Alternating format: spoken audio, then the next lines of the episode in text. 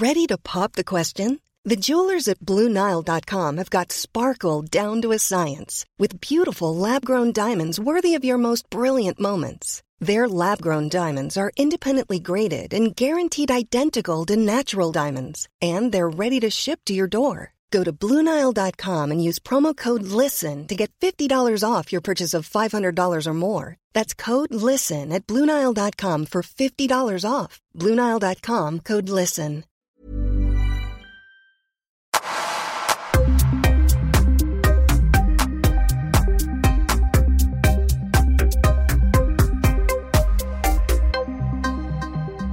Zlatko och Davor Ostrogonat. Ja. Sa jag fel? Nej, du är så bra. Du är så ja. bra. Ja, man vet aldrig. Bra för första gången. Ja, men det är samma som med mitt efternamn. Så här, folk slaktar det ganska frekvent, så när jag kan hämnas känns det skönt. Nej, jag skojar. Ja. Hörrni, eh, välkomna till Öppet sinne. Tack så mycket. Tack så mycket. Ni eh, håller ju just nu på och producerar ett MMA-event som går av stapeln den 6 mars och det är FCR. Vilken i ordningen är det? Efter åtta. Åtta. Ja. Det är efter åtta som, ska, som sänds på UFC Fight Pass. Mm. Eh, Huvudkortet och eh, underkortet på YouTube. Ja. Mitt under rådande pandemi, hur känns det för dig Davor att ni tar de här planerna nu? Det är mycket jobb. Det blir mycket extra jobb eh, under pandemin, men eh, vi kommer få det gjort. Ja. Absolut. Ja, nu fick vi gjort sist också. Ja, och då var det ännu svårare för då visste vi absolut inte hur, hur man ska hålla sig till. Nu vet vi det. Och det är mycket enklare för vi vet vart vi ska leta information och hur vi ska göra för att få ihop det. Mm. Och eh, jag känner så i alla fall. Så förra gången hade vi två proffsmatcher, nu har vi tio. Så vi, vi har steppat upp, vi vet hur vi ska göra det här och vi har lite erfarenhet av att göra galor mitt under pandemin också. Så att det ska skötas snyggt. Hur började eran, eran resa? Om vi säger, vi, vi går tillbaka till, till allt. Var föddes intresset för kampsport? För jag vet inte om MMA var det första för er. Vi, alltså, vi har själva tävlat, hållit på med kampsport. Jag körde med kickboxning, där var det boxning då. Eh, så vi har ju själva utövat och tävlat och hållit på i ganska många år. Eh, och sen, eh, och sen alltså jag, jag kommer ihåg första gången jag var på en MMA-gala, eller kickboxningsgala, det var Rumble of the Kings i Hovet. Då satt jag där och kollade på galorna och tänkte så här, fan coolt att slåss här. Men sen såg, slog det mig till så här, men fan coolt att arrangera det här. Du vet, jag tänkte, tänkte vara den som gör det här. Slippa vara den som slåss. Istället så gör du det här. Och det var lite där tanken började, men du vet, sen satt man sig ner och räknade på vad som behövs. Man är ung, man fattar, man fattar Hur gammal ingenting. var du när du fick den tanken? Jag tror jag var 16. Det var då jag typ började träna kickboxning i Västerås. Och då fick jag den tanken, fan vad coolt att göra en gala. Det, är inte som, det har varit en dröm för mig och brorsan liksom, att göra gala är någonting som, som vi vill göra, men det var så omöjlig väg. För jag tror liksom ekonomin eller allting. Och sen, eh, men det jag visste, när jag la av mig tävlingen, då visste vi så här, ja men vi vill vara kvar i branschen, vi vill inte försvinna. Uh, och uh, ja, så vi började leta vägar in, in i den här in i den här själva in, arrangörsbranschen då, och managementbranschen. Men det var inte där vi började direkt när det kom, kom tillbaks. Eh. Nej, alltså jag hade ju inte ens i åtanke ens hålla på med ett MMA-event. Det var ju Zlatko som drog in mig, mig i det hela. För mig var det alltid videoproduktion. Det var det som var liksom redigering, video. Det är det, det, är det som är min grej även idag. Ehm, så, men Zlatko drog in mig på det. Fast de går ju hand i hand. absolut. Exakt. Det- För, för det måste jag ju säga, alltså, jag, verkligen hatten av vilka jävla snygga videogrejer eh, grejer du gör. Alltså. Ja, tack, tack så Jag tycker mycket. att ni, ni, där måste jag säga att ni ligger nog lite steget före många organisationer. Just för att det finns verkligen en tanke bakom, alltså verkligen göra det stort och lite bombastiskt. Jag tycker det är supersnyggt. Vi försöker, vi försöker efterlikna den här eh, showen de gör i USA, Mm. så mycket som möjligt. UFC, det är en anledning varför de är störst. De har content, de har en story. Ehm, så det är lite det vi försöker efterlikna. Få Och- fram stories. Mm. Det jag skulle säga, ta- tanken som slog som hårdast, det var när UFC kom till Sverige. Jag och Davor var ju där tillsammans och såg Dana White och Fertitta Brothers gå där. Och vi var så här: shit, tänkte vara de där jävlarna alltså. Hänger du med? Alltså det var ju jag kommer ihåg när vi satt där i Globen, när Gustafsson mötte Silva. Ja, absolut. Det var där det stod bara, shit, tänkte, tänkte vara de där människorna, du vet. Och då var vi typ så här 19, då var jag 19, du var typ 15. Ingen aning. Och det var där vi började leta in oss, hur vi ska komma in i MMA-branschen då, på något sätt. Och eh, som sagt, som Davor sa, han håller på med redigering, mycket redigering av så här, Muhammad Ali highlights, Mike Tyson highlights. För, för min del så var det ju så att jag tränar boxning, jag tävlar i boxning, kommer hem, sitter och kollar på inspiration, YouTube, Muhammad Ali highlight, eh, Mike Tyson och sen började jag ladda ner videoklipp liksom, från matcher och sånt och börja sätta ihop egna highlights. Det var så jag egentligen kom in på redigeringen. Och eh, där börjar man få subscribers, man börjar få följare, folk började liksom bekräftelse, shit det här ser bra ut, det här, fortsätt. Eh, Zlatko bodde i Serbien då, Ehm, eh, hade en, eh, Nej men alltså jag var 21, jag kände bara jag, kan, alltså, jag måste leva livet lite mera. Och jag blev ihop med min flickvän då, då nuvarande fru. Jag, bara, jag, jag bestämde, det här är min fru, jag, kommer, jag vill inte tappa, för hon bodde i Serbien då, hon var ju därifrån. Eh, så jag kände bara jag ska flytta ner dit för kärlekens skull, men jag måste hitta på något att göra. Jag kan inte bara sitta där. Jag hade sparat ihop massor med pengar som jag hade tjänat ihop i Sverige genom att jobba. Så jag åkte ner dit. Och den det första tanken som slog mig var att typ i Balkan, alla älskar kampsport på grund av krockhopp och sådär, men det var ingen som gjorde snygg typ videoproduktion slash journalistik för att visa allihopa vad en fighter måste gå igenom för att komma in i buren. Alltså diet, vägen in i buren, träningen och allt det där. Så det jag gjorde var att jag startade en MMA-portal som typ, ja, Kimura, MMA Nytt, Frontkick eller alla de andra. Och jag köpte en kamera, gick och filmade en fighter som var ganska känd där nere, vilket jag inte ens visste att han var så känd. Och eh, va? Dusan Djakic heter han. Eh, han var jättekänd, alltså han hade typ så här 10-2 eller 15-2 någonting. Så han var jättekänd där nere. Och där gjorde jag en dokumentär, eh, gick hem till en gubbe, så jag tänkte såhär, en bröllopsklippare. gick jag hem till och betalade typ så här 300 spänn, alltså kronor och bara klipp den här dokumentären. Alltså, och den dokumentären var så här. den här killen tog mig till, alltså, till en dam och, och, och typ så, han gjorde massor med saker, typ skrev på hennes kropp att, att man ska gå bort från, eh, gå bort från gatan. Så sjuka grejer som inte ens jag var med på. Du vet. Jag har gått till en gubbe som står och klipper där och det var helt så här. Du vet, den dokumentären, jag tror, jag, tror, jag tror inte den skulle få så bra spridning. Så jag lägger upp den här dokumentären och det får typ 100 000 views på en vecka. Oj. Och där börjar liksom intresset för de här dokumentärerna komma och då skriver Daur till mig, eh, jag kan fixa det här bättre. Så gå och filma, vi köper en kamera, gå och filma en annan och skicka allt material till mig. Så då gjorde vi det med en, en kille som varit med i KSV och Vaso Bakorcevic, jag vet inte om du vet om det där. Han är ganska känd i Europa allmänt. Eh, så jag gjorde det med honom och den vart ännu mer kändare. Så vi gjorde dokumentären, jag filmade det, skickade till Davor, Davor gjorde det jättebra. Och det vart, det vart liksom big boom och vi fick ett namn direkt där nere. Och så kom vi in liksom typ med, in i MMA, MMA-träsket, eller hur ska man kalla det? Där nere då.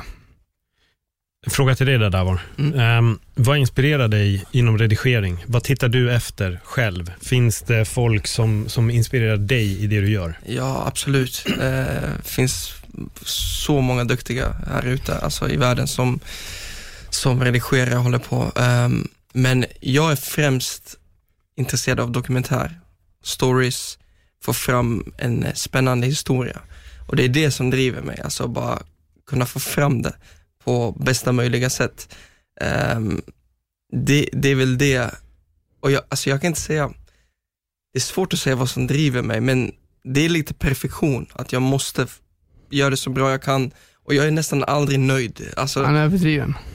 det blir liksom alltid, jag, jag vet inte, jag, jag har väldigt svårt att nöja mig med saker och ting. Så jag, jag strävar efter den här perfektionen hela tiden. Eh, det är väldigt svårt att förklara, Ja, men jag förstår, men Ja. den är en illusion. Det är det jag Ja, har okej. förstått själv. för, Nej. förmodligen. Vi jagar den och jagar den, men den dyker aldrig upp. Nej, Mm. Men, men, men det du ska ta med dig istället är att du kan göra nästa projekt bättre. exakt. För det tror jag är där man får lägga, där får man lägga perfektionen. Att Ja. det här var bra idag, men nästa blir bättre. Och hela tiden bara sträva efter att bli bättre. Jag tror Tiger Woods var den som hade sagt det också. Han hade fått frågan vad som fortfarande motiverade honom efter att han Mm. hade vunnit allt. Mm. Så hans svar var att jag vet att jag kan göra det här lite bättre ändå. Exakt. Mm. Och jag tror att det är en sån bra grej att ha med sig att okej, det blir bra idag, men nästa och nästa och så blir det, Det, det, bara är bättre exakt så jag känner. Efter varje projekt vi gör. Mm. det här var bra, men jag kan göra det bättre. Han är aldrig nöjd, det finns inte, Eh. alltså, han är aldrig nöjd med någonting. Inte, alltså jag... När det kommer, Jo det- men alltså det är klart det finns saker man är nöjd med, men man, man känner alltid att fan det kunde ha varit bättre. Mm. Det, och det är lite där jag, det är lite där jag är hela tiden om man säger så. Men jag har lärt mig förut, eh, hade jag väldigt lätt att fastna i det. Att jag aldrig blev eh, färdig med saker. Men nu har jag lärt mig, okej det finns en gräns, det här måste ut, det finns en Mm. deadline, då ska det vara färdigt. Och om jag inte är nöjd, jag kommer göra det bättre nästa gång. Mm. Så jag har lärt mig själv att det finns en sl- ett slut på det här och jag måste kunna gå vidare. Jag kan inte stå och hålla på och rubbla hur länge som helst i projektet. Var kommer passionen för berättande ifrån? Jag vet faktiskt inte. Um, det, det är bara någonting jag har känt när jag har kollat på filmer, Uh, som jag sa tidigare, dokumentärer. Det är där jag, alltså, jag blir inspirerad av folks historier. Och jag vill göra samma sak, jag vill kunna berätta folks historier och inspirera andra. Det är lite där jag är. Um, och uh, det, det är så mycket som ingår i en, typ en bra dokumentär tycker jag. Allt från eh, hur det är redigerat till intervjuscenerna, till ljudet, till eh, själva storyn bygger ju på hela dokumentären. Och det är lite där jag är också. Jag är ute efter någonting eh, åt det hållet, liksom. bygga en, en, en komplett dokumentär. Finns det någon dokumentär, speciell dokumentär som, Det finns en, en del dokumentärer, men just inom kampsport och som, som jag är mest insatt i idag, finns en som heter Facing Ali, där de intervjuar alla olika eh, eh, idrottare, då, eh, boxare som har mött Muhammad Ali. Så får de berätta sin story, eh, även alltså inte bara om själva matchen mot Muhammad Ali, men deras väg, liksom deras karriär kort. Och sen när de mötte Muhammad Ali och vad han betydde, men hur hela dokumentären är gjord och hur den är producerad, det är liksom magiskt för min del. Mm. Och sen HBO Boxing, de har ju lagt ner nu då, men de hade utan tvekan de bästa countdownsen och eh, dokumentärerna också. Va, de hade ett speciellt namn va? Var det så? 24-7 heter Just de. det, så var jag det. kommer ihåg dem, fan det var Floyd och grabbarna, shit. Ja. Det- Det är ju det man strävar efter liksom. Canelo mot Floyd var det sjukaste, eh, visst var det Ja, det? det, alltså, det fanns så många, det finns så många som är bra där, men jag har typ kollat på allihopa, eh, Mm. 50 gånger om. Och det, ja, det, du? Nej men för det är häftigt, för då möts ju ni. Ni har ju två, det är ju stora kontraster i vad ni egentligen gör och vill, men det går ju ändå hand i hand i det ni ändå vill göra tillsammans. Alltså vi, för det, vi har hållit på med den här hemsidan, kom till en nivå där vi var jättestora där nere. Eh, Jättemånga alltså, unika läsare, men jag kände att jag kom ingen vart. Jag- Plus jag är ingen jour- jour- journal- journalist, alltså Mm. skribent. Jag kände, det här är inte det, jag gillar inte det här. Så jag, Davor sa till mig, lägg av med det nu, nu satsar jag på, jag flyttade till Sverige mellan, i mellanåt. Jag kände, han, lägg av med det här, nu satsar vi på vårt företag och börjar vi satsa på MMA. Alltså i Sverige, vi, vi bor här och vi satsar på det här. Så från, från att var, så här, jag ska fortsätta med det här, var jag såhär, fuck det här. Nu, nu, nu, nu satsar vi på det här i, i Sverige. Och Och vi, då öppnade vi företaget eh, med videoproduktion mm, och sen eh, i samma veva var det FCR1 och Jörgen drog in oss där då. Eh, och jag kan säga så här, utan Jörgen tror jag inte vi hade varit där, för han har sån speciell energi. Som liksom bara, "Nej, vi löser det här, vi, fixar det här. Det, allt går att lösa, som jag alltid sagt. Men Jörgen, allt går att lösa. Även om det inte går så säger han det går. Du vet. Och det fixar sig och om det går åt helvete så säger han, äh, vad fan ska vi göra liksom? Det är så där. och det är så enkelt, det blir så här roligt att jobba med han. Så då kom vi in, in i MMA-världen lite grann med att göra marknadsföring inför FCR då. Vilket senare efter några galor blev att vi ska matchmakingen, sponsorer och hela, hela köret ska vi organisera. Vi tre då, jag, Jörgen och Davor. vi, vi, vi kände helt enkelt att för att ta det till nästa steg så måste vi göra det på vårt sätt. Ja, Det kan inte vara en ligatävling som det var första två, tre eventen. två eventen. två eventen. Och eh, för att bygga det här, för att få det att bli som en, liksom, en bra produktion och, att det ska gå runt, så måste vi ta tag i det. Och vi känner liksom, vi har marknadsföringen, vi håller på med videoproduktion, vi håller på med grafisk design, allt, hela den här delen som kostar mycket pengar för en arrangör att hyra in. Så vi satt ihop de här två projekten eller företagen och startade upp där. Så det var så FCS marknadsföring kom upp för att vi hade erfarenheten därifrån. Jag kände folk i MMA-världen och Jörgen kände folk i MMA-världen. Och vi satte ihop det i en gala när det kommer just till FCR. Just det. Och sen håller vi på med vårt företag, jobbar med olika, vi jobbar lite med UFC, vi jobbar med BT Sports som är som- från England. Vi jobbar med ganska stora företag här i Sverige också. Så vi har hållit på med det, sen när vi har galor lägger vi mer fokus på galorna, sen tillbaks till det. och fram och tillbaks. För nu har jag sett att ni har lagt upp rätt mycket paddel också. Ja, vi var på några projekt nu i, det var den här veckan tror jag. Ja, Där vi filmade lite åt en paddelarena eh, arena i Västerås. Mm. Ja, och fota. Alltså det är ju padel, det blir bli populärt. Så vi tänker man kanske ska, man ska kanske få in fot där innan Ja. det, det är för många där inne. Det är nog inte helt fel tänkt tror jag. Nej. För det, det verkar explodera väldigt, väldigt snabbt. Jo, bredvid vår studio var ju paddelstudio, också, alltså paddelhall Ah, okej. direkt, alltså Mm. vägg mot vägg. Så det var inte, det, var, det är bra att komma in i den här världen lite grann Mm. tror jag. För det har ex- exploderat här. Ja, vi har ju tagit in det här på Viaplay också. Mm. Sen vi paddel. Så nej, det, går, det går riktigt fort. Eh, jag vill backa ännu längre bak. Absolut. Är ni födda och uppvuxna i Sverige, Västerås eller är det i, Mm. hemma i Balkan? Nej, vi är, vi är från, äh, födda och uppvuxna nere, nere på, i Serbien, då, eller Ja. Jugoslavien var det då. Eh, vi, alltså jag kom hit när, första gången när jag var nio, det var NATO-bombningarna, då flydde vi hit. Eh, och eh, Davor var fem år tror jag. Fyra, fem. Fyra, fem år. Så vi, bodde ju här två år typ, någonting, något sånt. Alltså, tre. två, tre år. Eh, från 99 till 2002 tror jag det var. Och då, alltså både vi barnen och föräldrarna ville flytta tillbaks, vi ville bo i vårt hemland. Där mormor, eller där farmor, farfar. farmor, farmor, far, farfar bodde, vi hade uppbyggt liv där, men det kom ju krig emellan och så. Mm. Eh, så vi flyttade tillbaks, eh, bodde där i fyra, fem år, men det blev så jag tror man blev för van vid svenska löner och standarden här och, Ja men plus att landet är katastrof. och landet där är korrupt och sådär. Och och så allt farsan är inte så att han ska, du vet, eh, hålla på med sånt. Och han bara, ja, jag vill hellre leva med en vanlig lön och Mm. kunna leva än behöva göra saker som går emot mig i det här landet. Så vi tog pick och pack igen och flyttade hit när jag 2006 eller 2007. Någonstans där var det. Kom hit igen och började ja, flytta tillbaka till Sverige. Sen dess har vi, Sen dess har vi varit här. Ja. Förutom mig, jag åkte dit två år igen. När jag startade upp allt det här med MMA. Hur var det då att komma tillbaka? För jag tänkte, alltså, det, vi går ju från normalt till krig, till inget krig och sen uppbyggnad och det måste ändå ha blivit skillnad. Jag tror, alltså jag, Eller upplevde du likadant mellan de här två omgångarna? Jag vet inte, jag tror vi har alltså, vi, vi härdat ut där. Mm. Jag tror jag har lärt mig mycket, så här, byta skolor. Eh, jag tror det har varit mycket erfar, alltså, det har varit en erfarenhet för oss att ha den här vägen fram och tillbaks. Är det det, det, det du sy- syftar på eller? Nej, Jag tänkte mer på skillnaden på landet. Det Alltså, var det jag menade, eller om det var exakt likadant emellan dem. nej, alltså, jag, jag, kände, jag kände att alltså, 99 när vi flydde, då var det krig. Det förstår jag. Ja. Jag syftar på när ni gick tillbaka och sen drog tillbaka till Sverige och sen flyttade du dit igen. Ja. Kände du att det var, fan jag kommer tillbaka till samma ändå? Inte att du åker tillbaka till ett krig, utan... Ja, nej, så här kände jag. När jag bodde där, till exempel jag ska börja gymnasiet där nere, Mm. Då, kände, då sa farsan så här: okej, helt ärligt, du är inte den som ska plugga direkt. Alltså jag hatade plugga. Alltså, jag var såhär, ditt Mm. ADHD-barn, jag hatade plugga. Så han sa så här, gör någonting då, Alltså, jag, jag, jag kommer stötta dig om du vill plugga men jag vet att du inte vill, för jag håller på mycket med sport, hockey, du vet, allt möjligt.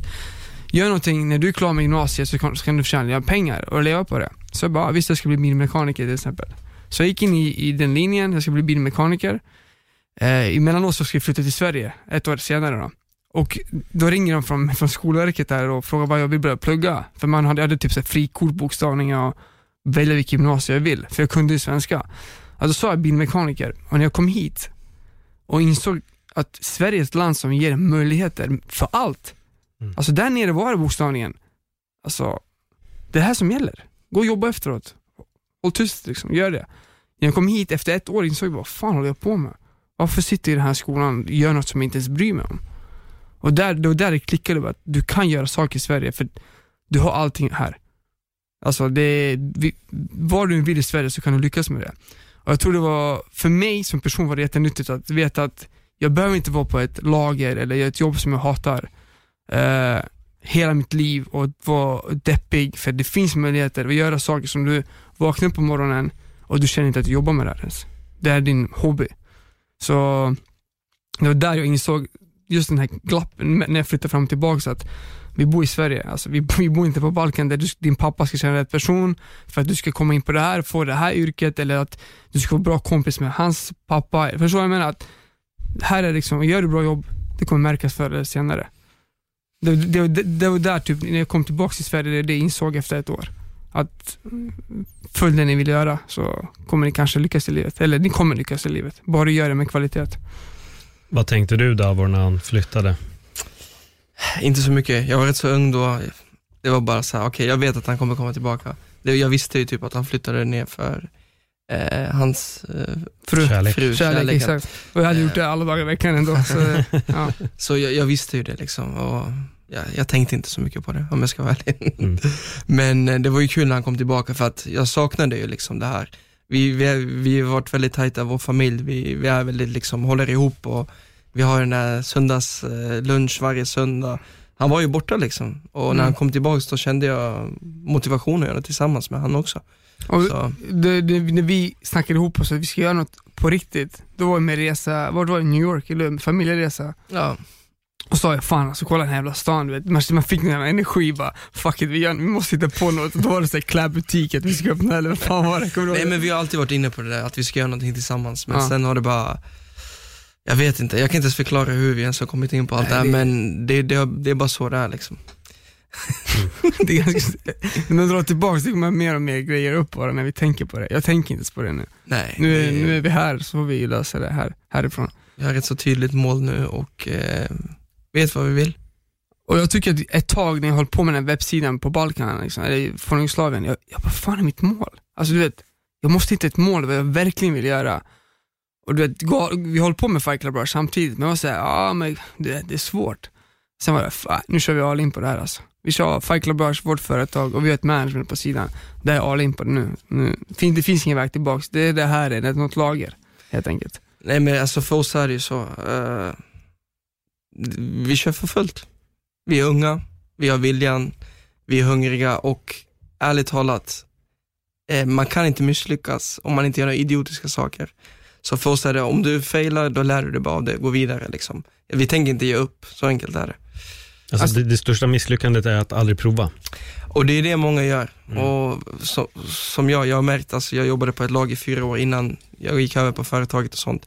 Folk vågar inte ta chanser. Nej. De vågar inte ta risker och de är bekväma. Det är det som är största problemet att, man, alltså, så, så här ser jag på allting. Alltså, jag, jag, jag lever hellre så här och osäkert och att det, du vet, att det är tufft och jobbigt. Men att jag gör något jag älskar varje dag än att jag är bekväm och har pengar och inte vet vad jag vill i livet. Så, Ja, det är allt för, för mycket sånt. Alltså jag kan inte förklara när jag jobbar heltid på något, något jobb.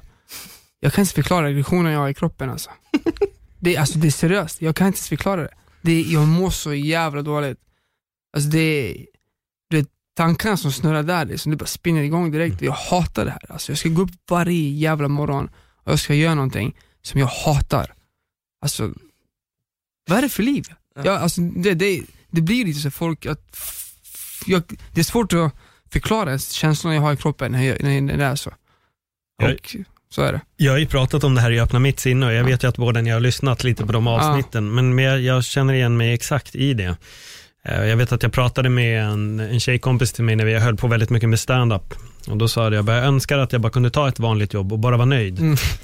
Sa hon, Exakt, exakt. Ja. Det är exakt jag önskar det. Ja, och hon sa det, hon bara, nej men du skulle inte klara det. Du har för mycket kreativitet i dig så Ja. det skulle aldrig gå. Och jag sa, fan. Och jag vet att jag har försökt och det funkar i princip i en månad eller två. Mm. Men sen är jag i precis de känslorna som du beskriver här. Det bara kryper i kroppen, jag vet inte vad jag håller på med, jag känner att jag bara bokstavligen kastar bort min tid. mm.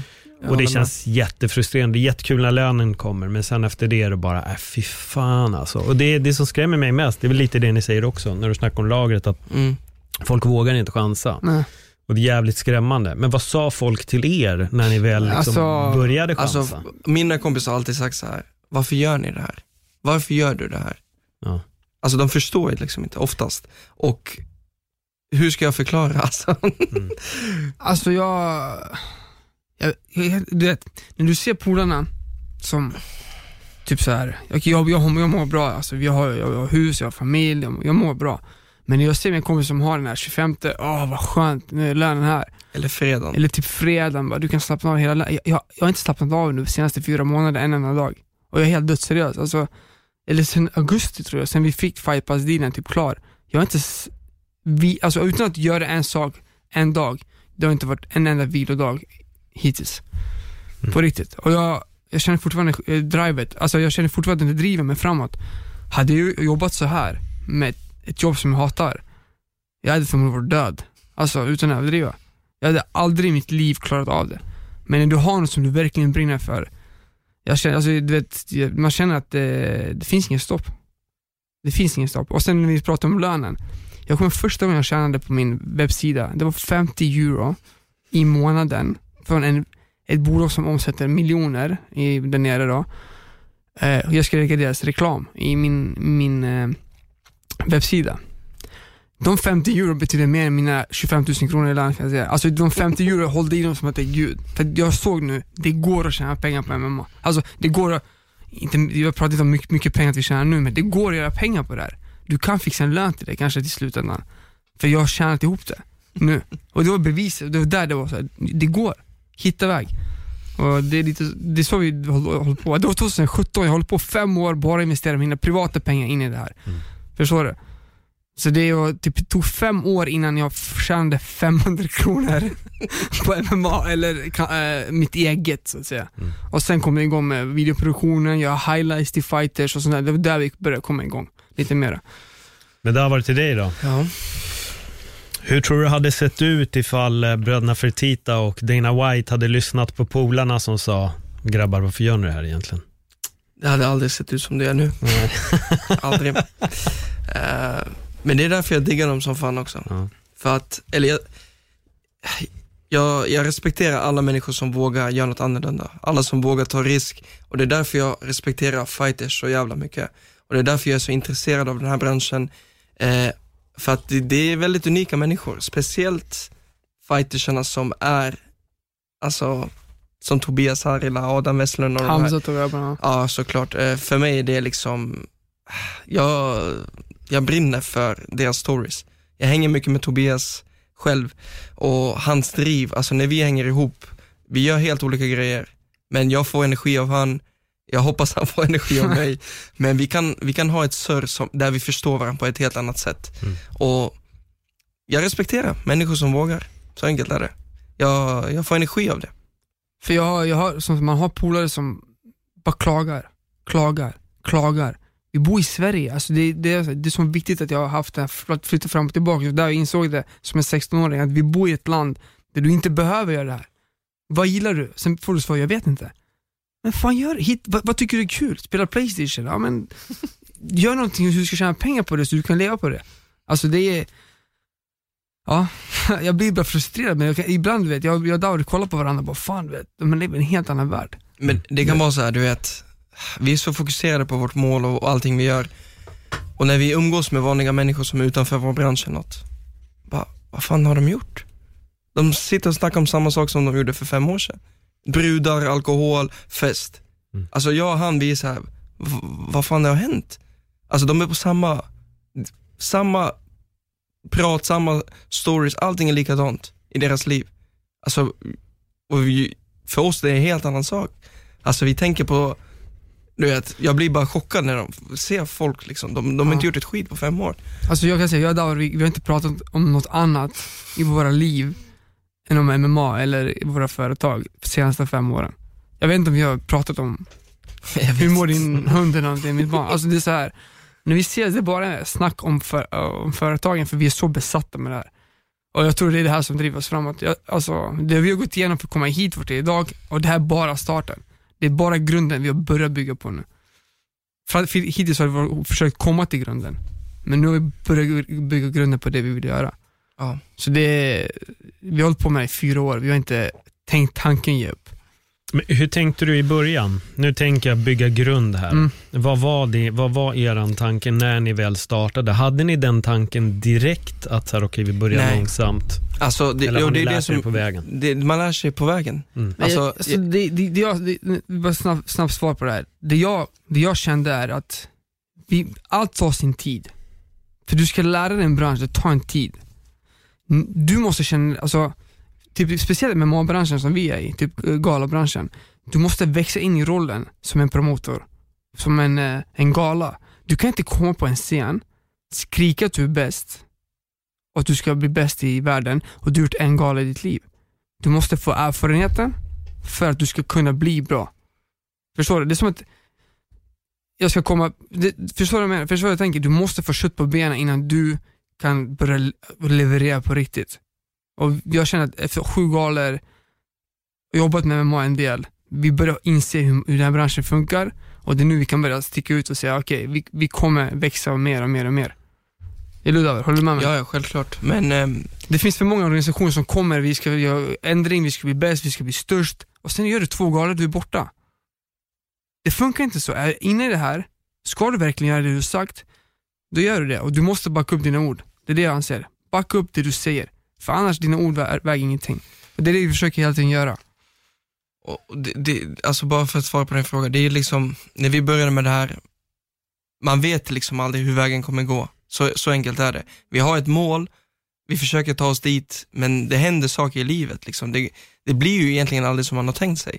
Men samtidigt, jag tycker det är kul, hela resan. Alltså det blir ju, alltså jag hade, personligen hade jag inte trott att vi hade kommit så här långt med MMA-galan, alltså att vi signar med UFC Fight Pass, att vi har möte med, som igår, vi hade möte med UFC, vi sitter och pratar med deras headquarter och allting. Och det hade jag inte trott att vi hade gjort på tre år liksom. Men det, det är en process och det, det, är någonting som har kommit liksom med, med allt det här. Det är också ett bevis för oss att vi gör något rätt. Och det, det vi hade för mål sedan dag ett, så sen Fight Club 1 var så en dag, en dag sa vi bara, vi vet inte när, men det är UFC Fight Pass som är målet. Alltså det är där vi ska sändas. För jag anser att det är där man vill synas som fighter. Om jag var fighter, det är där jag skulle vilja synas. För om du är en fighter, du ska in i UFC, för om du ska bli bäst i världen, det är där du ska bli bäst i världen. Och det är connectat. Så vårt mål har varit, den här, just den här plattformen, jag tror vi skulle komma dit kanske om fem galor till. Det var det som min tanke var, så, ah, typ FCR 12, 10 någonting, 15. Men det här kom från ingenstans, bara, ah, redan efter sju galor. Så det är bara positivt, men det är mycket mer press och man ska backa upp det. Hej, jag Ryan Reynolds. Recently, I asked Mint Mobiles legal team if big wireless companies are allowed to raise prices due to inflation. They said yes. And then when I asked if raising prices technically violates those onerous two-year contracts, they said, what the f*** are you talking about, you insane Hollywood ass?" So to recap, we're cutting the price of Mint Unlimited from $30 a month to just $15 a month. Give it a try at mintmobile.com slash switch. $45 up front for three months plus taxes and fees. Promoting for new customers for limited time. Unlimited more than 40 gigabytes per month. Slows. Full terms at mintmobile.com. Quality sleep is essential. That's why the Sleep Number smart bed is designed for your ever-evolving sleep needs. Need a bed that's firmer or softer on either side? Helps you sleep at a comfortable temperature? Sleep Number smart beds let you individualize your comfort so you sleep better together. JD Power ranks Sleep Number number 1 in customer satisfaction with mattresses purchased in-store. And now, save 50% on the Sleep Number limited edition smart bed for a limited time. For JD Power 2023 award information, visit jdpower.com/awards. Only at a Sleep Number store or sleepnumber.com. Så vi har liksom kört all in på det. Jag, jag gillar hur ni tänker. Jag kan känna igen mig väldigt mycket i, i de bitarna också. Jag tror att det är för många som försöker springa innan de har lärt sig att gå. Mm. Jag reagerar på det också även i poddvärlden. Det var ju som när jag började med Öppet sinne, då, den podden alla lyssnar på nu. Mm. Eh, så min första tanke var att jag kommer inte ens titta statistik under det första året. Mm. Jag ska bara producera content, jag skiter i hur många som lyssnar, jag ska bara producera. Det var mitt fokus. Sen har jag alltid haft en så inre tanke om att jag kommer bli Sveriges största podd. Men det kommer ta tid. Mm. Men jag, och jag kommer jobba lugnt och jag kommer inte stressa. Mm. Och Jag tror att det är det där som är felet. Jag tror många ibland går in och har på tok för höga ambitioner och så börjar de titta statistik och så efter en, två månader, bara, äh, fuck it, och så lägger de ner. Istället för att bara veta att det här är en process, det kommer ta tid, men jag ser den verkligen över många år mm. och till slut så når man målet. Så var det ju för oss när vi startade produktionsbolaget och allting. Vi har haft deltidsjobb. Jag har haft heltidsjobb, jobbat på sidan om. Så när jag kommer hem sitter jag inte hemma och spelar Playstation, jag sitter hemma och redigerar. Jag, på helgerna har jag inte ledigt, vi går och filmar på helgen. Mm. Kommer hem, varje tid jag fick ledigt, eller vi, så jobbade vi. Sen började, okej okay, nu börjar vi få tillräckligt med pengar till att jobba deltid och sen från deltid vart det heltid. Ja. Och så har det fortsatt. Och det har varit en lång process. Alltså, jag tror vi jobbade extremt. deltid i över tre fyra år innan vi gick över på det här på heltid. Och jag vet inte om många hade pallat med det. Mm. Alltså det är liksom, veta varje månad, vad kommer du få lön den här Förstår du? Vad, kom, vad, vad, kommer jag kunna ta hem till familjen? Jag förstår det. Och det är också en sån press man har. vad ska jag kunna ta hem till familjen den här månaden? Det gäller att jobba hårdare för att kunna leverera på sätt och vis. Förstår du vad jag menar? Så det är, du måste ha viljan och du måste våga, tror jag. Så nu känns det som att vi pratar som att vi lyckas som fan. Alltså, här handlar det om att vi är på väg upp Mm. och vi känner att vi är på rätt väg, definitivt. Hur- Ja, vi är inte klara än. Vi, vi kommer leverera ännu bättre än det här. Det här är bara början säger jag. Som jag sa, det här är bara grunden nu. Så det är så vi tänker. Hur kom ni i kontakt med Fight Pass? Hur öppnade sig hela den här uh, grejen? Ja, alltså det, Facebook, vi, så här var det. Vi förberedde oss för reach ut till UFC, UFC i Europa, till deras mm, kontor i London. För vi kände någon som är där, för vi jobbar lite med UFC, vi, vi började lära känna folk där. Då. Och vi började presentationer, webbsidor och sen från ingenstans, det var inte klart än, vi tänkte om en månad reachar vi ut. Från ingenstans får jag ett, ett, ett eh, på Messenger, på, på Facebook, för ett meddelande. Och, Ja, hej, du vet, vi skriver från UFC Fight Pass er, och sen vill vi snacka om något annat helt. Eh, de ville liksom, de ville se liksom Eh, de, ville pra- de ville se, de håller på att utforska galor som finns i Europa och vi, de såg, fick ögonen upp för oss för på grund av Hamza hade kört hos oss. Och jag bara okej, jag tror det var ett skämt. Jag bara, fan vi har Messenger, det var så här skämtbild också på den killen som skrev.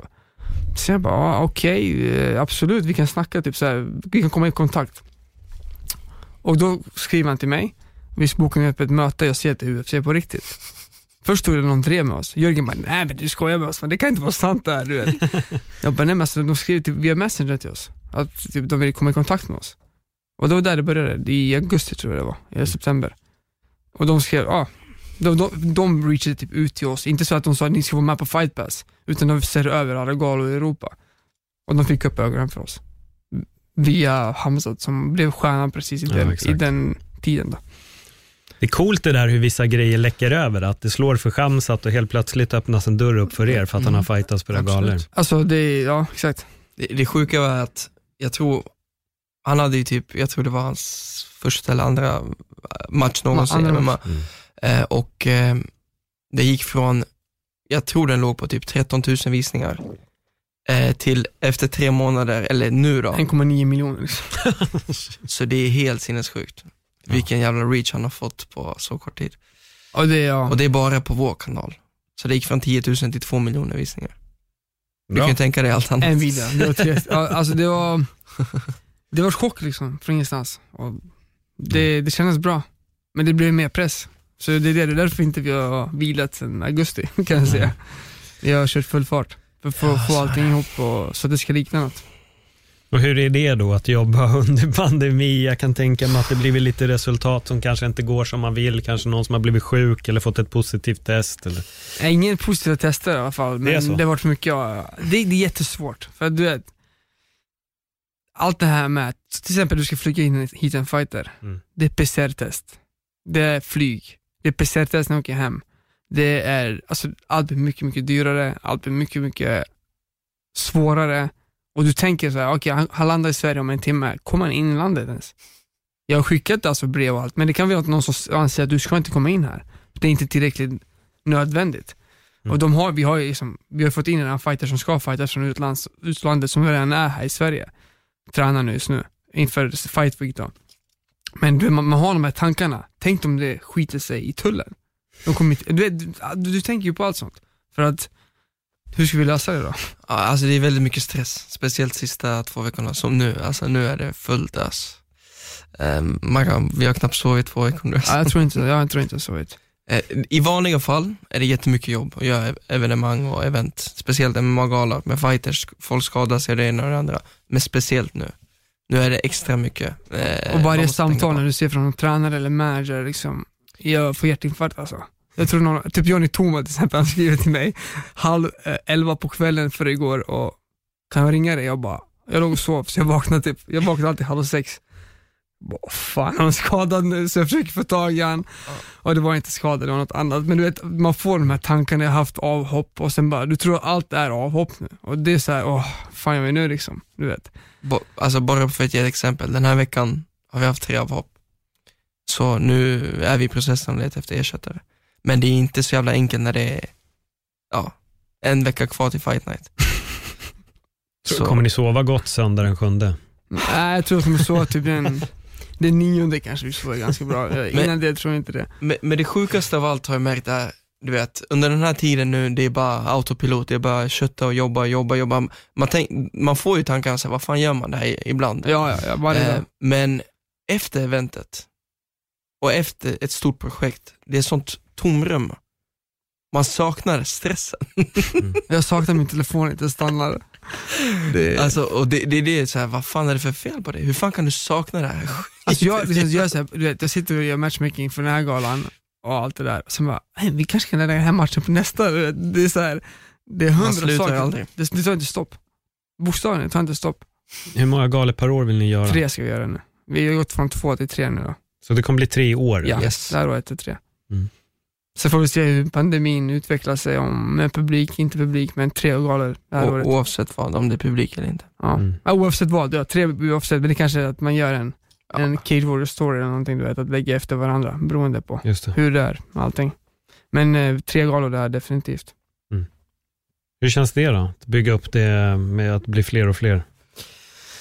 Ja, det känns bra, men samtidigt, eh, vi kommer försöka hålla oss där två, tre om året, sen får vi se såklart hur, hur det blir nästa år. Så ni ska inte upp till UFCs 46? Nej, Nej, alltså, men tänk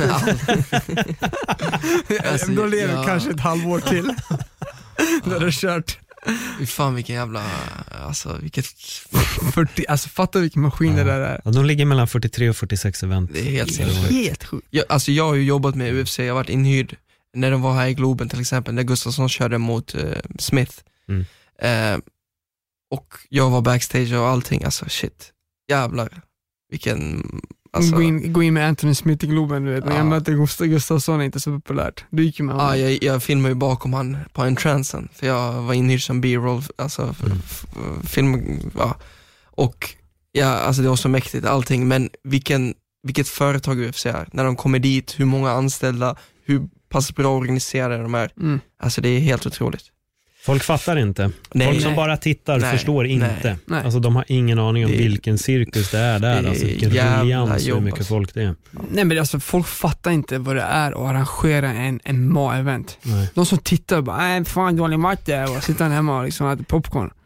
Man bara, vi har dödat mig för den här matchen. Alltså förstår du? Det är bokstavligen. Alltså, Och det- folk det- det- fattar inte vad det här är. Och det är ju samma sak för fighters, när de säger fan vad tråkiga de är. Alltså folk går in och slåss.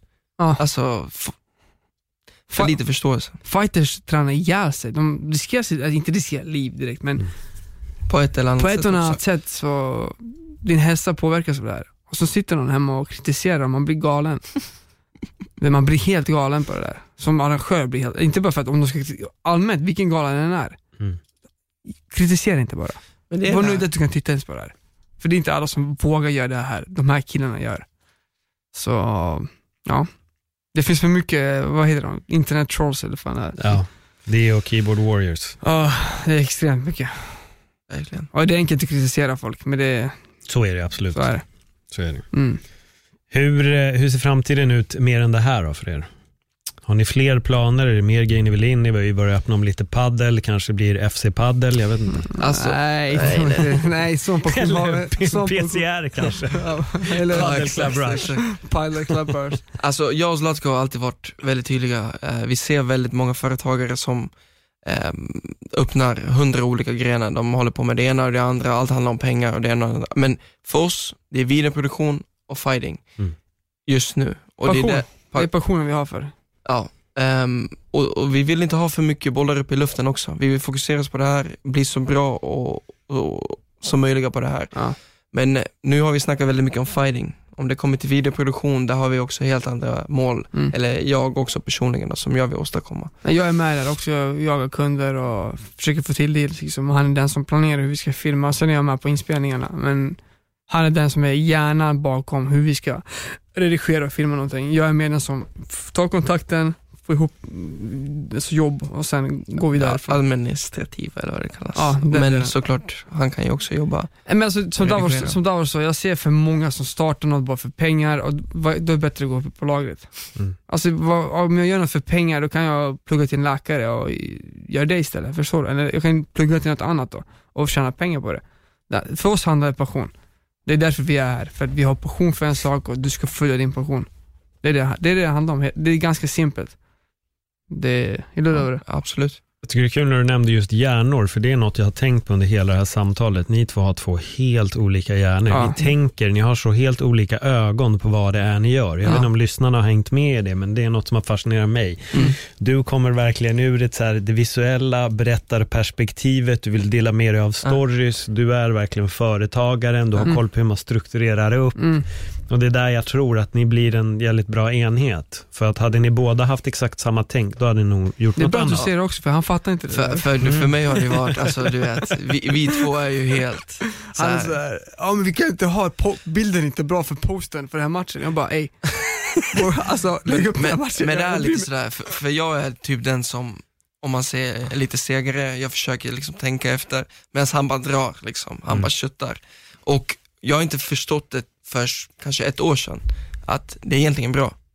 Att vi har någon som driver på och någon som, ja, ser Och till. sen är vi två i FCR, det är Jörgen och jag, som bara driver, driver, du vet, så här, allt ska lösas, det är inga problem. Och han är den, vänta, vänta, så vi hittas någonstans emellan. Så vi är två som driver framåt och Davor måste släppa med lite grann.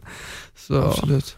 ja. Det är svårt att hålla Jörgen bak också. Ja, det De kan där vara- trapsen, det, Du kan ju tänka dig vad jag, jag, jag mest. Men, så det är vi två som driver hela tiden det här. äh, Mm. Fast, ja exakt. Ja, det, det, är inte så det funkar. Och det är bra att han börjar inse det. Han har inte fattat. Han bara, vad, vad är det du gör på galan egentligen?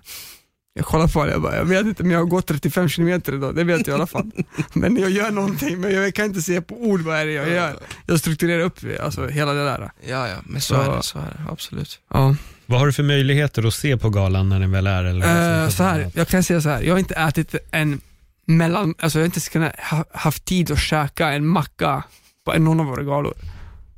Jag har inte haft tid, alltså på riktigt. Det är min, min, min kompis, han, eh, han lyssnar mycket på det, Edis han.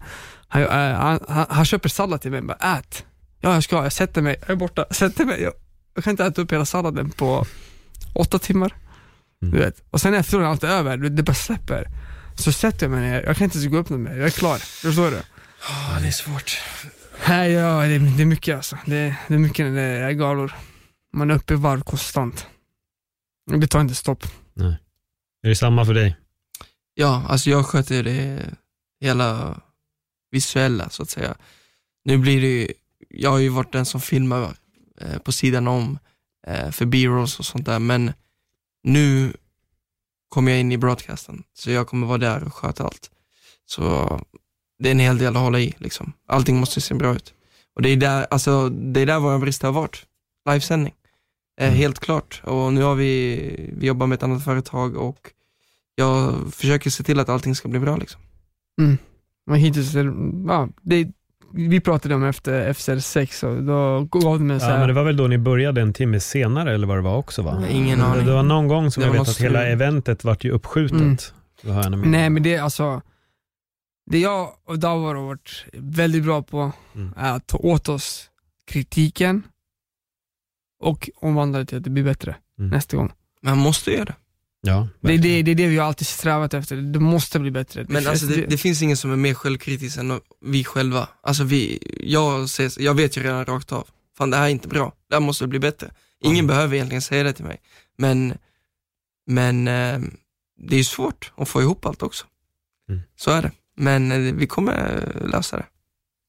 Jag måste fråga, har du sett en YouTube-sida som heter Every frame is a painting?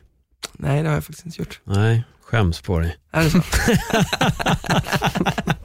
jag ska skriva ner Nej, men det handlar just, det, det är just med att, med att eh, filma och det är därför jag tror också att ni är väldigt öppna för att höra kritiken när det gäller kanske hur vissa grejer landar i tv. Mm. Mm. Eh, nej, men det är bara en kille som bryter ner filmer Okej. och går igenom Akira Kurosawa, han går igenom allt möjligt. Mm. Och då går han igenom liksom bildspråket. Ja. Vad det är, därav the Every frame is a painting. Jag tror han har bara 26 videos men har över en miljon prenumeranter. Fint, Mm. Det är helt galet. Eh, riktigt, riktigt grymt. Ja, men fan, det är jättespännande. Men hur ser det ut nu inför helgen då? Vad händer? Jag har hört att det har varit lite motgångar och, och hur, hur ser kortet ut just nu för de som älskar MMA och verkligen är redo att se den här galan som kommer vara då. Om du lyssnar på det här på onsdag när avsnittet släpps, ja då är galan nu på lördag. Mm. Eh, så här.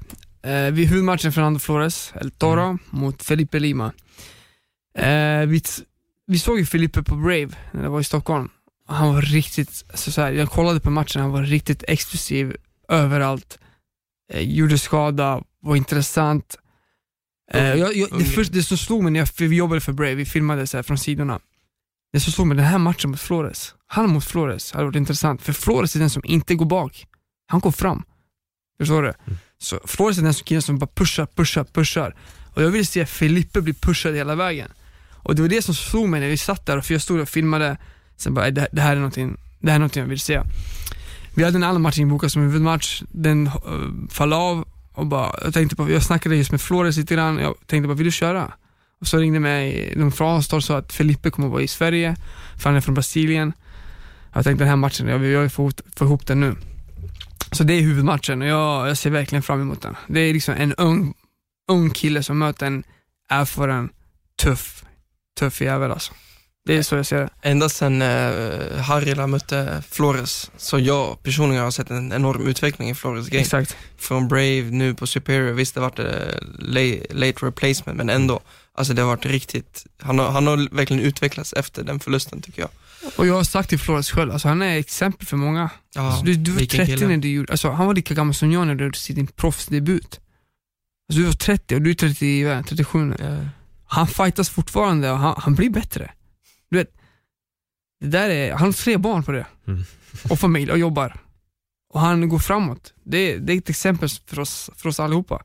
Att, när jag, alltså, att man är så driven och enkelt att jobba med. Ödmjuk. Alltså när, när du har en fighter, när du signar ett kontrakt för en match och de personerna inte ens, du får inte höra något om dem. Det betyder att de är högst professionella. Hänger du med? För oss som organisatörer. Och Flores är, och Filippa också, är sådana killar. De har signat kontraktet, som jag känner att de kommer komma dit utan ett ben om det behövs, bara de går matchen. Hänger du med? Och det, det är sådana vi vill jobba med mest. Och en sån här match mellan de två, det, jag ser det blir riktigt, riktigt intressant. Om, om Flores tar i djupa vatten, det blir intressant. Vi får se om Filippe lyckas stoppa det tidigare, eller hur han reagerar på att bli pressad Mm. och ta, att han tar han till tredje ronden. Förstår du vad jag menar? Så det blir kul att se. Om ni vill veta mer om Fernando Flores så ska ni scrolla ner här i uh, öppet sinne, för jag har en intervju med honom. Jag kallar honom för den spirituella fighten, där han går igenom hela sin process innan fighten, vilket är jätte, jätteintressant. Mm. Så missa inte det. Har du Davor någon match som känner, ja den här är jag väldigt nyfiken på? Det finns en hel del, men just nu, eh, det hänger lite upp i luften. Eh, det är självklart main eventet. Sen har jag, alltså det finns ett par riktigt intressanta matcher som, eh, speciellt debutanter, som, som gör sin debut nu då, eh, som vi ser. Vi hade ju en kille som heter Abdul Rahman, Mm. eh, hans motståndare hoppade av, som heter Binson Lee. Vi håller på att jobba på ersättare idag. Vi har, vi har en för- högst sannolikt ersättare klar från England, så eh, vi sitter och väntar på det. Ingenting är helt officiellt Mm. tyvärr än, men vi, idag kommer allting bli färdigställt. Sen eh, den matchen ser jag jävligt mycket fram emot, att se Abdurrahmans eh, eh, debut. Men även Ali Talib som vi hade på kortet innan, Mm. eh, han var, han har, han har haft jättemycket otur. Vi hade Renato Vidovic som bröt en, jag vet inte om det var tummen eller handen eller Handen, någonting. ja, någonting. Eh, sen hade vi en ersättare till Ali som heter Ivan Zidar. Zidar hoppade av, han har haft problem med förkylning och lite olika eh, var sjuk, symptom. eh, nå- nå- någonting var det, jag vet inte. Han var sjuk några veckor. Och sen, eh, nu har vi kanske ett tredje alternativ på gång för honom. Som sagt, det är här just nu är ingenting klart, så du, du släpper det, vi kanske har något klart, men just nu är det ingenting som är spikat liksom. Det har varit kaos, om man säger så. Sen har jag en, eh, Zoran Milic som, som är alltid så här. jag har kollat på honom, Zoran. Mm. Han är alltså eh, riktigt bra energi i matchen. Han möter Hanan från, en kille som är 3-0, eh, från Finland och båda är vilda. Alltså båda är jätte, jätte vilda. Den matchen kommer jag se fram emot. Alltså den, den matchen kommer bli riktigt kul att kolla på. Och se Zoran komma tillbaka efter två år. Som jag fattar att han är en helt annan fighter. Han, har, han är en helt annan fighter just nu. Eh, Det finns en hel del prospects, Josefin Thunder Knutsson kör, alltså, det, det är så många eh, nya fighters som jag tror om ett par år kommer vara i större organisationer som är på det här kortet idag. Eller Det, det, det är vårt, vårt mål från dag ett. Vi ska ha nya prospects som ska upp. Alltså jag, jag, vi ser ingen mening att ha killar som aldrig kommer göra något resultat på största nivån och fightas. Okej, för, för att locka publik, ja. Det är jättebra. Men jag vill se fighters som antingen utvecklas fortfarande, Mm. eller som kommer vara i toppen, möta varandra. Jag ser inte meningen att ta hit folk som har varit på toppen och följt ner och lägga in dem hela tiden. För är de framtiden? Alltså, du inser att MMA är, är, är vissa killar framtiden? Nej det är de inte. De har varit där. De har gjort sitt. För oss som organisatörer är det jättebra. Men för mig är det typ som, vi ser nu Tobias, som Hamza Chimaev, Andreas Gustafsson. De körde ju på våra shower i början. Och nu är de i, kommer upp i världsgalor. Mm. Där ser jag ett ett resultat att vi har haft rätt öga på vilka som ska köra. Förstår du? Det är lite så vi tänker. Och det är så vi ser med de här killarna som kör nu. Som, alltså alla.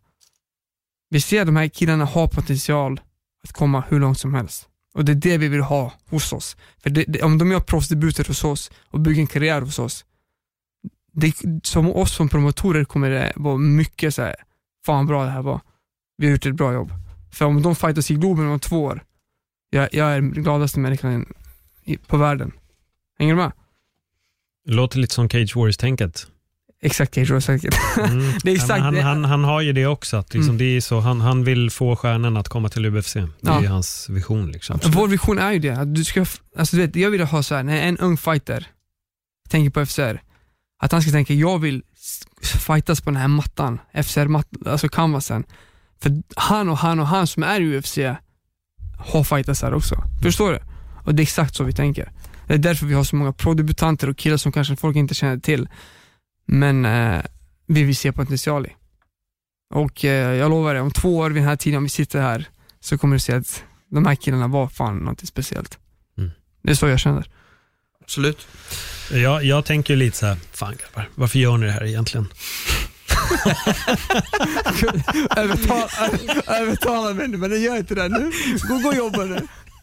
Det här bra i slutet och bara, nej men vad fan gör ni det här för Ja, grabbar? Alltså, ja, ni kan göra något annat liksom. Man har t- fått höra det ett par gånger Ja, ja. även idag. Alltså folk frågar ju det liksom. Men det, jag, blir så, alltså jag kan bli så trött på människor som gör det, för det, det, alltså de där orden kommer alltid bara från de som inte vågar. Så att ni som är de som säger den där uh, fraserna, fan håll bara käften och börja kämpa för något istället. Ja, Det blir bara pinsamt. Alltså att hela tiden försöka dra tillbaka folk som vill någonstans. Alltså ni borde istället bara skämmas. Ja. Uppmuntra folk som vågar göra någonting. Det är min enda, det är min lilla slutplädering där på det där bara. Fan, gör något själv istället för att bara tycka att alla andra ska stanna. ja. Det, är det. är många som tycker så, tyvärr.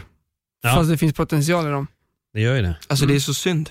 Det är så, så jävla synd. Nej jag skiter i det, jag tänker på mig. Alltså, men det är det man ska. måste, du måste tänka på hur, du vet, Ja, sig ja. själv. Liksom. Det är det det handlar om. Men det otäcka där är att det finns ju de som lyssnar. Ja. Att det finns de som bara, ah shit, ja, men Janne sa ju liksom varför gör jag det här och han kan ju ha rätt. Och vad har Janne för bevis för att han har rätt? Nej, noll egentligen, men jag, jag lyssnar nu Mm. på det här och det där är, det är Jag känner igen det här, för när i början jag sa att jag var osäker på event och sådär, Mm. eller företag. För mig var det så här, jag la det på papper, så såg jag vad som kan gå bra. Mm. Sen bara, men det här kan gå fel. Och så fokuserade du på det här kan gå fel. Ja. Och då, då sket ju det helt och bara depression- alltså den dippen från att "Åh, jag ska göra det här, till att boom, jag går tillbaka till lagret.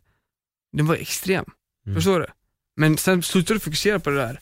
Du vet att Alltså det det, här det är kommer mer som kan gå fel om man ska börja tänka så. Ja. Men grejen, Tänk om en fighter gick in i en bur och sa Fan jag kan bryta benet, oj jag kan få spricka i ögonbryn, ögonbrytarna. Då skulle ingen fightas. Nej. Så är det men du kan ju tänka så på lagret också. Ja. Ah, shit, tänk om jag kör fel med trucket. Tänk om jag kör över någon. Tänk om jag råkar köra in i hyllan och allt bara ra- Nej, men vänta. Nej, jag går bara till a-kassan och säger istället att jag inte kan Ja, ja, jobba. Och så kommer nästa jobb. Men gud, tänk om det här händer. Tänk om det... det är klart, om man alltid vill lägga in det här negativa spinnet. Nej. Det kan du lägga på vad som helst. Alltså, Ja. Du kan faktiskt halka i duschen också. Ja. Så duscha inte. Så jag tänkte Helt att vi, det var riskabelt att komma hit till podd, det var det kanske klockan på vägen hem. Alltså, Beställer det- taxi Ja, istället. jag tar taxi hem eller flyg till Västerås. Och han i taxin bara, fan jag har aldrig kört till Västerås. Tänk vad som kan gå. Boom!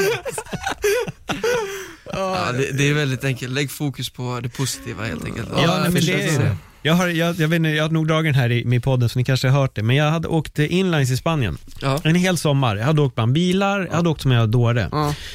Och när jag kommer hem sen till Sverige, då jobbade jag i Globen på den tiden, så jag skulle åka hemifrån och jag skulle åka till jobbet. Och så tänker jag bara, fan jag har inte ramlat någon gång trots att jag har åkt som en dåre. Det roliga är att jag ramlar alltså på en cykelbana med inte en människa i närheten. Där flyger jag. Jag har ingen skydd på mig, men jag hade en petflaska i handen. Och där kunde jag ta emot stödet, men jag har fått ärr på både liksom armar, ben, jag drog upp magen. Så jag åkte lite så här halvskrubbad till Globen och så går jag in då till ja men AIKs läkare där, Mm. jag bara, du jag har ramlat, kan du bara liksom Mm. göra rent här? Han bara, ja absolut, och du hade skydd på dig va? Mm. Jag bara, jo, det hade jag verkligen. Ja. Men där har vi det huvudet. Ramlade jag på vägen till Globen efter att jag hade ramlat? Nej. Ramlade jag på vägen hem? Nej, det gjorde jag inte. Ja. Men bara tanken av att, fan jag har inte ramlat. Nej. Det kommer ju hända något. Jag då, fattar vad du menar, för jag hade när jag spelade hockey du vet förut. Eh, Du går solo mot, mot eh, målvakten. mm. Så tänkte jag, "Åh, jag hatar den där, du är en mot en du vet. Jag bara, fan jag kommer missa, jag kommer missa. Nu kommer du bara, fjuttigt slag, du missar det. Men jag tänkte, nu ska jag sätta den, nu ska jag sätta den. Det är större chans att du- att du sätter den och det har visat sig så i min hjärna att när jag tänker, nu ska jag sätta den, då sätter jag målet istället för att skjuta bara för att du är själv och då missar du det. Så det är, du ska fokusera på målet. Och det, det är därför jag säger det, jag finner så mycket inspiration i fighters. Mm. Hur de Exakt. tänker, speciellt de här fightersarna som Typ så, har Tobias tänk. Alltså kolla han bara, jag knocka han, det är lugnt. Man bara, vänta, nej men jag, jag alltså- knockar han, det är inget problem. Ja, ja, nej men alltså, jag bara, han är bra grappler, det spelar ingen roll, jag går in och stänker Nej honom. men alltså han, hans, vet, hans det, det är det, det är punkt. Där, där är punkt. Ja. Jag, jag, jag blir inspirerad av det, hur han tänker och han, han vägrar typ nästan tänka på att han ska, han är, han är självkritisk men han tar bort det här du vet negativa. Och du, med- Han- till exempel som Tobias, det som är roliga är typ som Adam-matchen. Nej men det är lugnt, han kommer åka ner du vet. Och jag bara, ah, okej, okej, men han är tuff, ja men det är inget problem, det är inget problem. Sen efter matchen, bara shit, alltså det här var inte enkelt du vet. När han har ett mål, då, så här, då är han helt inställd på att det här, Ja. Han det vågar inte ens inget, tänka det finns på inget, att, han tänker liksom att det här ska hända. Och sen efteråt bara shit, alltså det här var riktigt jävla så här riktigt intressant, förstår du? Men riktigt så här svår väg att ta, men när du ställer in din hjärna på att du ska lyckas, jag tror, Men det är där man utvecklas. ja exakt. Gå igenom de motgångarna. Mm. Det är det som är, det var en bra, det är alltså sjukt bra match. Jag tror att båda de där två kommer växa utav den. Ja, det är helt sjukt va? hur jävla tuffa Adam är alltså. Det är, ja, och Tobbe alltså. Mm. Det är helt sjukt. Jag kollade på den, jag visste inte, jag satt på nålar alltså. Jag gjorde en liten meme där om dig. Ja, jag såg det. Rätt spot on va? ja, nej, det, var, det, var, det där var typ så här den realistiska bilden av mig i de där minuterna som du beskrev, eller ronderna. Fy fan alltså. Oj, vilken jävla match alltså. Ja. Sjukt, faktiskt. Det var roligt. Hörni, vi har nått eh, slutpunkten här på, på avsnittet och det varit väldigt intressant att höra er, er story, höra er resa, höra hur olika ni tänker och Mm. hela den biten. Ifall folk inte redan följer er på sociala medier, var hittar man er? Börja med dig Eh, Zlatko. mig på det Zlatko Strugonac, eh, svårt efternamn jag vet. Zlatko Strugonac 90 hittar ni mig på. Och sen har vi vår för, eh, O Productions på Instagram, eh, på eh, hemsida oproductions.se, Facebook också. och sen vår MMA-gala är, gala är FCR MMA på Instagram och Facebook. Så, Och YouTube. Exakt. Så 6 mars på UFC Fight Pass FCR 8, Och in, inledningsmatcherna är på YouTube, prelims. kostnadsfritt. Fyra proffsmatcher, eller tre eller fyra. Vi får se vad som händer idag. Ja, ja, men spännande. Jag ska kolla på allting. Det ska jag definitivt göra. Så får vi prata, vad var det, den nionde där när ni har hunnit sova Nej, jag ska säga tionde tror jag. Tionde. Ja. Blir det någon semester när allt är klart? Nej, vi, vi, vi, vi, har redan inbokade dokumentärfilmningen för eh, OS, så det blir inte. Ja, det blir en del grejer där. Ja. Det blir kanske semester om typ, En timme. nej, om kanske ett halvår Ja. förhoppningsvis. Hoppas jag. Ja, ni får se till att ta någonting vid tillfälle i alla fall. Eller vi har, vi har, vi har FCR 9 då, vi upp det till vintern. Ja. Det blir semester 2050. ja. Då, när pensionen slår in, då, då kan ni koppla Om jag lever tills dess. Exakt, ja. Ja. men det gör ni. Det gör Ja. ni. Hörrni, tack för ett jättebra Tack samtal för det grabbar. Tack Tack för för det. Paul eh, och tack. fortsätt med ditt jobb. Jag tycker du gör ett grymt jobb och Tack. jag lyssnar på dina podcast och blir inspirerad. Ja. Tack så mycket. Grymt. Tack. Och om ni vill bli inspirerade, precis som Davor här, då ska ni såklart scrolla igenom och kolla vad det är för andra intressanta samtal. Och som jag nämnde tidigare så har jag några avsnitt som heter Öppna mitt sinne också, där jag delar med mig just om, om mitt eget. Och följ gärna mig på Instagram också, att Paul Elvaje, så får ni ha en fantastisk vecka. Ha det bra, hej då! Hej då, hej då. Hej.